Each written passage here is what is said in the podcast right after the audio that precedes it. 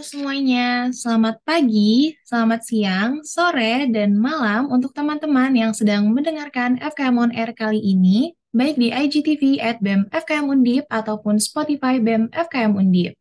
Hai semuanya, perkenalkan aku Dewita Rabiana Hanifa, staf muda bidang Halmas BEM FKM Undip 2023 yang akan menjadi moderator pada FKM On Air hari ini. Akhirnya ya teman-teman kita ketemu lagi nih di kegiatan FKM On Air tahun 2023. Gimana nih teman-teman menjalani puasanya? Kayaknya udah sekitar dua minggu kali ya kita menjalani puasa di Semarang yang panas ini. Dan aku baru pertama kali juga ngerasain em, puasa gitu di kota orang sendirian ya. Jadi aku harap teman-teman bisa jaga kesehatannya, jangan sampai lemas, apalagi sakit. Nah, FKM On Air kali ini pas banget buat nemenin teman-teman ngabuburit. Kita akan membahas mengenai COVID-19 menjadi endemi. Emangnya masih ada? Nggak kerasa teman-teman, tiga tahun yang lalu kita diwa- dilanda wabah COVID-19 nih. Nah, sekarang teman-teman tahu nggak sih kalau misalnya COVID-19 itu udah ditetapkan menjadi penyakit endemi di Indonesia. Nah, sebenarnya apa sih penyakit endemi dan bedanya sama yang kemarin pandemi itu apa gitu ya? Nah, untuk menjawab pertanyaan itu semua, kita udah kedatangan tamu yang spesial banget hari ini. Eh, boleh dong, kayak halo Kak Zafar. Oke, halo, halo Dewi dan halo teman-teman semuanya yang lagi dengerin. Oke, mungkin boleh nih Kak untuk memperkenalkan diri terlebih dahulu. Ya, aku izin ken- kenalin dulu ya teman-teman. Eh, sebelumnya perkenalkan nama aku Zafar Indra. Eh, aku eh, di FKM Undip ini jadi eh, salah satu mahasiswa semester 6 peminatan epidemiologi dan penyakit tropik. Salam kenal semuanya. Salam kenal juga Dewi. Oke, salam kenal Kak Zafar. Nah, seperti yang udah teman-teman dengar ya, Kak Zafar ini dari peminatan epidemiologi FKM Undip yang pastinya udah qualified banget jadi pembicara hari ini. Gimana nih Kak kabarnya hari ini? Alhamdulillah baik dengan di hari yang baik ini eh, puasanya masih lancar sih masih belum ada yang ya ada kendala nggak ada kendala yang eh, membuat puasa-puasa kita batal gitu masih aman Waduh. sih Oke, alhamdulillah masih aman ya. Jangan sampai habis kita ngobrol-ngobrol, tahu minum gitu, lupa ya. aduh Jangan sampai jangan kayak dong gitu. Hmm. Oke, lagi ada kesibukan apa nih Kak di peminatan epidemiologi yang boleh di-share mungkin? Oke kalau kesibukan kayaknya ini deh eh, kesibukan klasik mahasiswa sih tugas terus kan masa masa UTS ini kan ada tugas nih tugas banyak berdatangan Kemudian juga eh, kesibukan lainnya berarti UKM, organisasi gitu sih. UKM, organisasi, tugas. Itulah mahasiswa. Ya, nggak jauh-jauh lah ya mahasiswa Ya, tugasnya, kesibukannya ya. Dan bener bener-bener. banget, ini perekaman hari ini kita kebetulan lagi masa-masa UTS ya teman-teman. Hmm. Nanti teman-teman pas udah dengerin FKM On Air udah selesai masa UTS ya gitu ya. Semoga hasilnya memuaskan ya teman-teman. Amin. Amin. Oke, gimana nih Kak kalau kita langsung mulai aja ke sesi diskusi kita terkait dengan kondisi COVID-19 yang udah menjadi endemi di Indonesia, terutama di bulan di bulan Lebaran nih. Pasti kan Oke. banyak gitu ya yang berpergian nih, eh, ketemu sama keluarga-keluarganya di eh, misalnya bisa aja di luar pulau atau gimana gitu ya. Hmm, boleh, boleh. Oke, nah ada beberapa pertanyaan sih Kak ini. Pertanyaan yang pertama, boleh dong Kak dijelasin dulu sebenarnya penyakit endemi dan penyakit pandemi itu apa sih Kak? Oke, aku mau coba jelasin dari mana ya. Eh, endemi sama pandemi. Oke, mungkin eh, teman-teman kayaknya udah tahu sih kalau yang mendengarkan nggak bercanda. Kalau yang eh, ikut kuliah epidemiologi dasar, dasar epidemiologi, sorry, yang semester 2 itu eh, pernah dijelasin kalau nggak salah eh, tingkatan wabah gitu kan. Nah, eh, si salah satu tingkatan wabah itu ada si endemi sama pandemi tadi yang disebut, disebutin sama Dewi tadi. Eh, endemi itu tingkatan level satu ibaratnya. Nah, level satu ini eh, eh, istilahnya gampangannya itu penyakitnya menyebar di satu daerah aja gitu. Aku kasih contoh Semarang. Semarang kan endemi DBD gitu kan. Berarti eh, di kota Semarang itu kayak beberapa bulan atau beberapa bulan dalam satu tahun. Misalkan itu ada terus DBD-nya, cuman stagnan gitu loh. Eh, mungkin naik dikit Hmm. atau turun dikit gitu. Jadi kayak ya apa ya tiap tahun ada, cuman apa Kasusnya namanya? nggak terlalu Ya banyak gitu. benar, benar, benar banget. Itu itu yang namanya endemi. Jadi kayak penyakit yang sa- setiap tahunnya atau setiap bulannya itu ada dalam satu wilayah tertentu dan wilayahnya biasanya kecil. Kalau nggak kota bisa kayak kecamatan, desa gitu. Negara juga bisa sebenarnya, cuman biasanya kayak kayak kota gitu, kayak misalkan Semarang tadi gitu. Oke, kalau pandemi itu eh, naik level gitu teman-teman, kayak level 3 gitu kan. Tadi eh, si endemi level satu Nah, pandemi itu level tiga Jadi eh, kalau pandemi itu ranahnya udah global, seluruh dunia gitu. Kayak contohnya ini pandemi pandemi COVID-19 ini kan yang ngerasain bukan cuma di Indonesia aja tapi seluruh dunia kan. Eh, sebarannya itu lebih luas lagi dan eh, angka penyakitnya itu lebih tinggi daripada endemi tadi. Kalau biasanya kan kalau endemi tiap tahunnya ada naik turunnya juga kan eh, paling dikit atau tu- eh, atau eh, turunnya juga dikit, naiknya dikit gitu. Nggak terlalu apa? Nggak terlalu signifikan gitu. Hmm. Nah, tapi kalau pandemi ini itu bisa sampai signifikan gitu. Kayak misalkan contohnya pas COVID kemarin kita kan udah gelombang satu, ada gelombang dua, itu kan kayak ada Hmm. Iya, iya. puncak-puncaknya itu kan. Nah itu kayak kenaikannya ya contohnya kayak gitu gitu. Ada ada kenaikan yang sangat tajam dan eh, biasanya kayak disebut gelombang-gelombang gitu. Nah kan kalau tadi endemi level satu nih, terus pandemi level 3 ada sebenarnya level 2 lagi itu eh, namanya epidemi. Nah epidemi itu di tengah-tengahnya antara endemi sama pandemi gitu. Tersebarnya itu di eh, nggak di seluruh negara, tapi kayak misalkan bisa di di satu benua gitu. Misalkan contohnya aku kasih contoh eh, Ebola di benua Afrika. Nah gitu. Berarti ada tingkatan-tingkatannya gitu kan. Kayak endemi, eh, epidemi sama pandemi. Itu itu bedanya di situ. Lebih ke beda eh, paling dasar sih beda luasnya ya. Kayak luasnya eh, endemi endemi itu luasnya lebih kecil terus yang paling seluruh dunia itu paling luas itu pandemi dan eh, sama eh, angka kesakitannya. Itu doang sih sebenarnya. Es eh, simple simple simple gitu sih.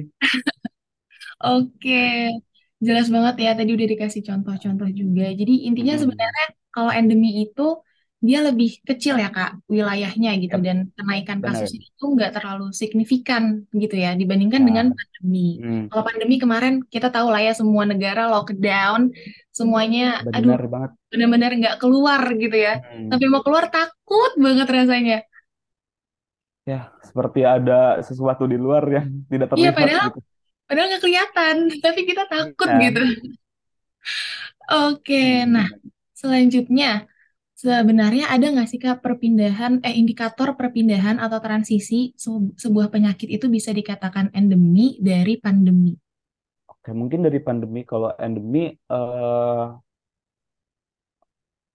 ininya indikatornya itu mungkin ah, yang eh, kalau aku baca-baca, aku pernah baca sih di artikel Kemenkes dan artikel jurnal-jurnal jurnal sama artikel di eh, luar gitu kalau misalkan Mm-mm. hmm, transisi antara pandemi ke endemi yang pertama pastinya kayak penyakitnya itu udah keganasannya berkurang gitu. Jadi kayak Oke. eh, misalkan dalam satu tahun eh, penyakitnya misalkan nyerang satu juta orang gitu. Terus eh, di tahun berikutnya eh cuma dua ratus ribu misalkan atau lima ratus ribu misalkan gitu. Jadi kayak Mm. keganasannya berkurang eh, dan apa ya berkurang selama eh, dalam kurun waktu tertentu itu. Jadi kayak lima ratus dua ratus seratus bahkan sampai mungkin bisa 1000 dan sebagainya. Itu eh, bisa jadi salah satu indikator eh, pandemi ke endemi.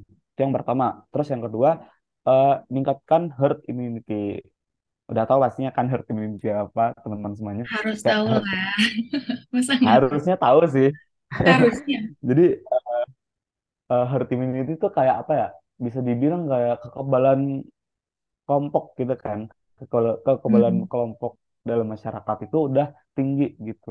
Jadi karena eh, si kelompoknya udah kebal sama si virus tersebut atau si bibit penyakit tersebut, maka eh, virus yang walaupun udah berkeliaran nih, kan bingung nih eh, mau jangkitin si A, dia udah kebal, terus si B juga udah kebal kan, berarti kan eh, herd immunity-nya udah kebentuk gitu. Jadi eh, itu itu ju- juga jadi salah satu kenapa eh, si pandemi ini eh, jadi endemi gitu.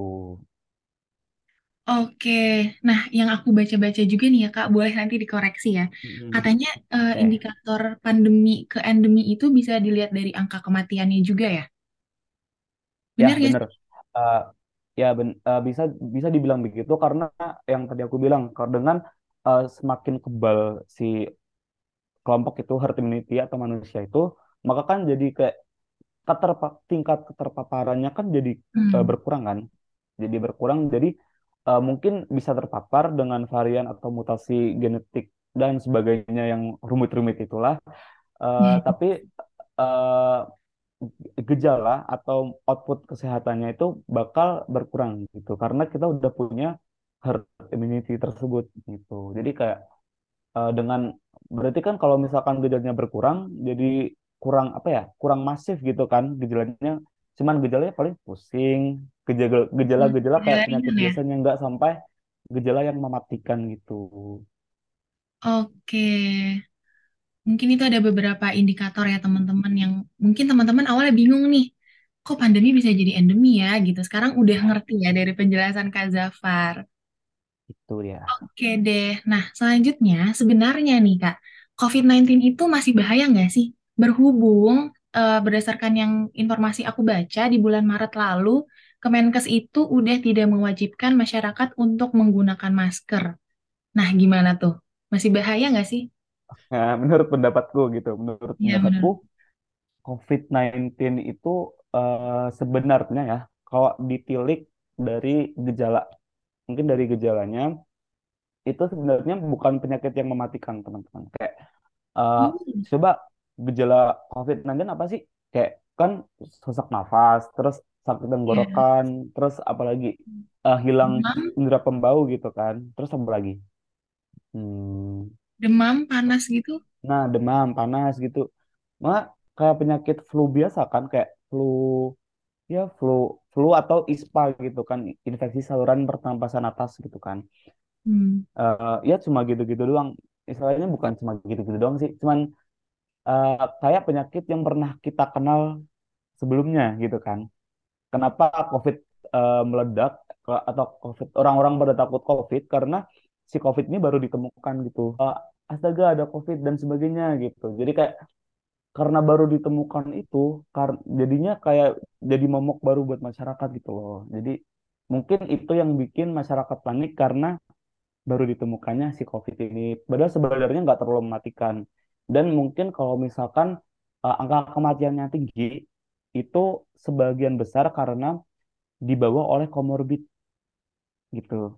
Kayak misalkan orang nih udah pernah penyakit, udah kena penyakit diabetes atau orang penyakit eh, PJK pe- penyakit eh, penyakit jantung kronis dan sebagainya itu kalau eh, kan sebenarnya penyakit tersebut udah udah parah kan kayak PJK itu kan eh, tingkat kematiannya tinggi diabetes juga terus kayak penyakit apa lagi? Hmm. ya hmm, banyak penyakit yang penyakit yang berat-berat gitu.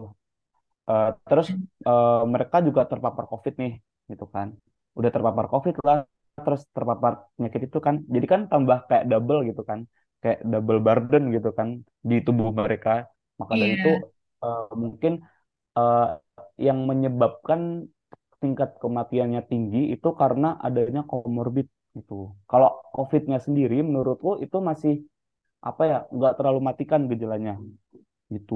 Kalau buat eh, pemakaian masker sekarang eh, kalau kalau dari artikel yang aku baca dari artikel Kemenkes itu eh, pemerintah eh, melonggarkan melonggarkan ya melonggar bukan menghilangkan tapi kayak agak melonggarkan eh, status pandemi ke endemi kemudian melonggarkan juga aturan-aturan yang ada di masyarakat kayak boleh pa- lepas masker di ruang terbuka gitu itu sebenarnya karena eh, apa ya eh, dibuktikan dari data sih sebenarnya karena data COVID di Indonesia itu udah menurun sangat drastis gitu dan bisa dibilang kasus hariannya itu menurun banyak gitu. Kemarin eh, yang dulu ratusan ribu bahkan sampai satu juta kasus hariannya. Sekarang cuma eh, ribuan gitu. Puluhan ribu paling paling banyak tuh. Jadi kayak karena kederastisan tersebut makanya em, pemerintah mungkin mengambil eh, langkah untuk melonggarkan apa namanya aktivitas masyarakat gitu. Kayak misalkan yang dulunya lockdown terus boleh keluar tuh. Eh, makanya karena dengan eh, kesempatan apa namanya kesempatan turunnya angka tersebut jadi pemerintah kayak coba deh eh, new normal eh, bikin eh dilonggarkan peraturan-peraturan yang telah kita buat gitu. Tapi sebenarnya kalau eh, apa namanya pandemi ke endemi itu sebenarnya eh, apa ya? Kan kan kalau tadi aku jelasin pandemi kan seluruh dunia dan endemi cuma satu wilayah wilayah kecil gitu kan. Nah, itu Hmm. tuh eh, sebenarnya karena karena pandemi seluruh dunia dan mau diturunkan levelnya itu eh, harus melalui WHO gitu loh Hmm, nggak ada bisa nggak bisa gitu ya. eh, nggak bisa dari satu negara aja bilang oh de- dengan ini saya menyatakan bahwa pandemi COVID jadi endemi itu kayaknya untuk satu kurang deh maksudnya maksudnya kayak mungkin eh, dibilang untuk de jure atau secara de facto-nya itu buat satu negara itu aja gitu.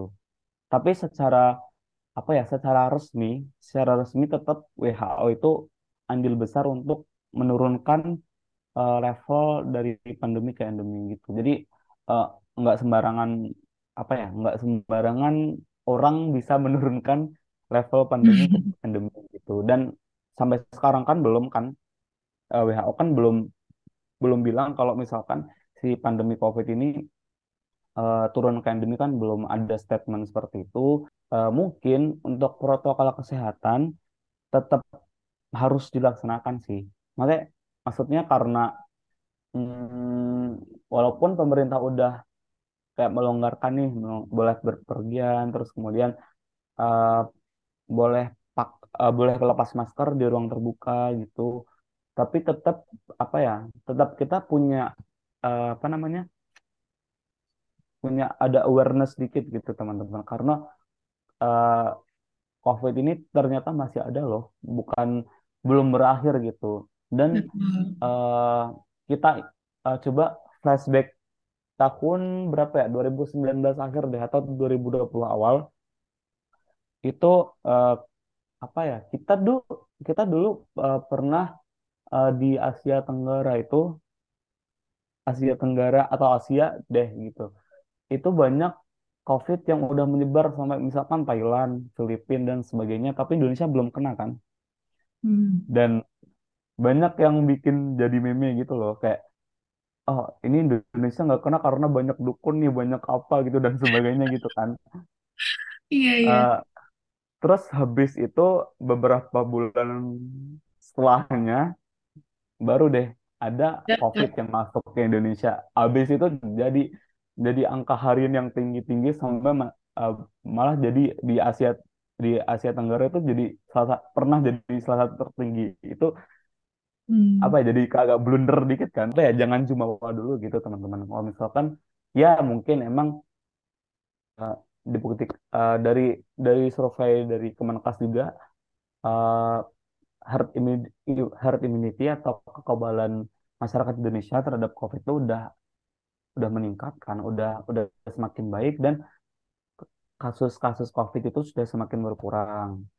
Nah, tapi tetap harus waspada karena bukan tidak mungkin nih teman-teman kalau misalkan di beberapa bulan atau mungkin beberapa tahun kemudian kita nggak ada yang tahu COVID bisa naik lagi mungkin dengan mutasi-mutasi yang baru. Karena kita tahu sendiri kalau COVID itu kan mutasinya cepat kan. Kayak kemarin aja ada mutasi alfa, beta, terus ada juga delta, omikron dan sebagainya kan.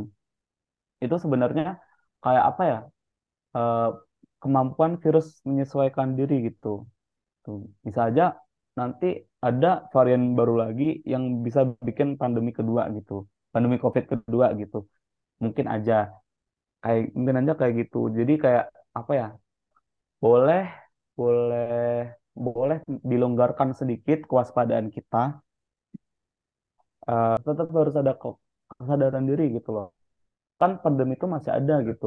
Jadi jangan terlalu jumawa tapi jangan terlalu lebay untuk menanggapi bahwa ih COVID COVID COVID gitu. Iya, Gitu iya. sih. Iya, oke. Aku eh, dengerin penjelasan dari Kak Zafar, wah detail banget teman-teman. Nah, sebenarnya COVID-19 terlepas dari bahaya atau enggaknya ya, bener banget yang tadi dibilangin oleh Mm, Kak Zafar, kita tuh harus tetap aware gitu loh terhadap diri kita sendiri dan juga orang-orang di sekitar kita gitu. Karena kalau misalnya kita sakit, ya udah kita bakalan nyebarin juga nih ke teman-teman yang ada di sekitar kita gitu ya. Ya, Nah, ya bener banget.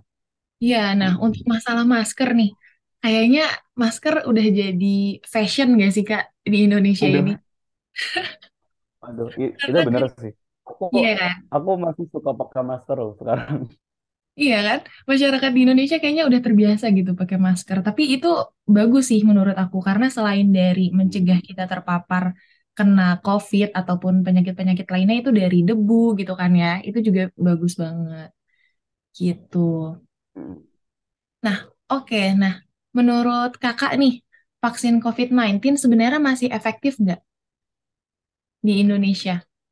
Kalau menurut aku eh, vaksin COVID-19 tuh eh, masih efektif sih. Karena eh, apa ya kalau kalau kalau aku dulu pernah dapat pelajaran vaksin dan imunisasi di semester 5 kalau nggak salah. Ya, semester 5 eh, peminatan EPID itu eh, aku ingat banget yang ngajar tuh Pak Fauzi dulu eh, pernah dijelaskan kalau vaksin itu ternyata tuh ada masa masa apa ya? Masa kadaluarsanya gitu teman-teman. Kayak misalkan eh, Oh. kita vaksin pertama nih, kita vaksin COVID pertama misalkan divaksin nih, udah divaksin, itu nanti eh, biasanya vaksin tersebut bertahan eh, atau immunity antigen yang ada di vaksin tersebut itu bertahan sampai eh, katakanlah tiga bulan gitu. Nah, Hmm. habis tiga bulan nanti antigennya itu udah habis gitu. Makanya ada vaksin kedua, ada vaksin dosis kedua gitu nanti berarti eh, pas tiga bulan setelahnya kan dulu COVID berapa bulan ya? Tiga bulan kan? Kalau nggak salah tiga apa dua bulan gitu. Itu Iya. ada vaksin dosis kedua gitu. Harus disuntik lagi, dimasukin antigen lagi tuh. Nah, nanti di vaksin kedua ini biasanya eh, eh, masanya, masa kadaluarsa bisa dibilang deh. Gembangannya masa kadaluarsa, kadaluarsanya itu eh, agak lebih tinggi lagi, enam bulan gitu atau berapa bulan gitu, apa delapan atau sepuluh mungkin. Nah, nah habis biasanya 10 bulan nih, 10 bulan berlalu itu eh, eh, nanti ada vaksin dosis ketiga atau booster itu. Biasanya di, disuntik lagi habis tiga enam bulan atau sesuai masa tersebut, sesuai masa vaksin tersebut telah habis itu di- disuntik lagi. Habis itu biasanya kalau booster itu lebih tahan lama gitu masa kedaluarsanya. Misalkan bisa sampai satu tahun, dua tahun dan sebagainya. Itu buat vaksin COVID ya. Vaksin COVID eh, kayak gitu. Jadi kayak ada tahap-tahapannya gitu. Suntik sekali biasanya sampai tiga bulan gitu. Terus harus diperbarui lagi. Bahasanya kembangannya gitu. Gitu sih. Makanya kalau menurut aku vaksin COVID ini masih penting gitu. Dan eh, dan apa ya? Eh, dan ya kembali ke tadi karena COVID itu kan virusnya tuh gampang bermutasi ya gitu. Dibuktikan dengan kemarin varian COVID-nya tuh banyak. Jadi kayak kalau menurut aku vaksin tuh masih penting dilaksanakan dan penting juga apa namanya penting juga di diberikan kepada masyarakat luas. Hmm. Aku setuju banget ya, terlepas dari eh, COVID-19 ini jadi endemi atau enggak, intinya teman-teman COVID-19 itu virusnya masih ada, walaupun nggak kelihatan, Yep. intinya masih ada. Jadi teman-teman harus eh, tetap vaksin gitu ya, buat teman-teman yang belum vaksin nih. Jangan lupa untuk vaksin gitu. Bisa juga kan udah sampai booster ya, kalau memang umurnya sudah mencukupi. Gitu. Dari Kak Zafar sendiri, Oke. udah vaksin berapa kali nih Kak? Aduh, eh, aku vaksin eh, tiga kali sih, baru sampai booster satu. Eh, sama sih, aku sebenarnya juga baru sampai booster satu. Tapi kalau nggak salah booster itu udah sampai booster dua ya? Apa booster tiga? Mm-mm. Ya, Booster dua udah ya? sampai booster 2 kalau nggak salah. Ya, Iya, kalau nggak salah aku juga booster beberapa udah sampai booster 2 beberapa. Hmm, oke. Nah, aku sempat baca juga nih tadi eh, ada kasus dokter dia udah vaksin loh teman-teman empat kali sampai booster yang kedua, tapi sekarang kena COVID lagi. Gitu. Itu menunjukkan betapa Hmm, pentingnya vaksin gitu ya dan awareness kepada diri sendiri untuk menjaga kesehatan gitu. Jangan sampai kita kena gitu ya karena benar yang tadi udah dijelasin sama Kak Zafar, kalau virus COVID-19 ini tuh cepet belajarnya ya di dalam tubuh kita gitu. Dia cepat bermutasi. Mm-mm. Jadi varian-varian yang baru ada aja gitu. Jadi teman-teman harus tetap jaga kesehatannya. Oke deh, mungkin karena pertanyaannya juga udah dibahas dan dijelaskan semua nih sama Kak Zafar, akhirnya kita tiba di penghujung acara. Mungkin sebelum di closing, Kak Zafar ada closing statementnya, Kak? Oke, eh, aku mau izin closing statement. Eh, mungkin karena dengan adanya apa ya, dengan adanya statement dari pemerintah, kalau misalkan eh, kelonggaran aturan PS PSBB atau mungkin aturan beraktivitas sosial di masyarakat itu sudah dilonggarkan, gitu. Jangan membuat teman-teman merasa apa ya, merasa bahwa COVID ini tuh sudah hilang gitu. Jadi kayak Hmm. sebenarnya eh, apa ya, tumbuhkanlah rasa awareness kalian sebagai mahasiswa kesehatan masyarakat mungkin eh, atau mahasiswa pada umumnya itu kalau misalkan COVID-19 ini sebenarnya masih ada dan apa ya eh, berikanlah sesuatu yang meng, apa ya mengenhance masyarakat untuk eh, menyadarkan mereka bahwa kalau misalkan eh, COVID-19 itu masih ada dan masih belum berakhir pandemi ini masih belum berakhir karena WHO juga belum memutuskan ini, ini berakhir gitu. Tapi uh, jangan bikin apa ya, dengan statementku tadi, jangan buat itu jadi kayak huru hara gitu. Apa ya, tetap chill tapi tetap waspada gitu. Gitu. Pokoknya itu aja sih. Oke, Oke, thank you Kak Zafar closing statementnya. Bener banget, aku setuju banget. Nah, sebelum aku tutup, aku mau ucapin terima kasih banyak untuk Kak Zafar yang udah berkenan nih jadi pembicara di FKM On Air kedua hari ini. Oke, sama-sama. Oke, semangat menjalani sisa hari-hari puasanya ya, teman-teman. Semoga nanti pasca Lebaran nggak makin naik deh ya itu kasus COVID-19. Jangan sampai. Semoga teman-teman amin. bisa sehat selalu ya. Dan untuk Kak Zafar, semoga sehat dan sukses terus ya, Kak. Oke, siap. Thank you juga buat teman-teman semua yang udah mengundang aku. Oke. Jangan lupa untuk share talk show FKM On Air ini ke orang terdekat kalian supaya informasi kesehatan ini tidak terputus di kamu saja ya. Yuk bantu tingkatkan pengetahuan masyarakat terkait kesehatan agar hal buruk bisa dicegah. Jangan lupa untuk dengerin dan tungguin terus FKM On Air selanjutnya yang bisa kalian dengerin di IGTV at BEM FKM Undip, Spotify BEM FKM Undip, dan YouTube BEM FKM Undip. Aku Dewintara Biana Hanifa, staf muda bidang Halmas, pamit undur diri dan sampai jumpa teman-teman. Salam sehat.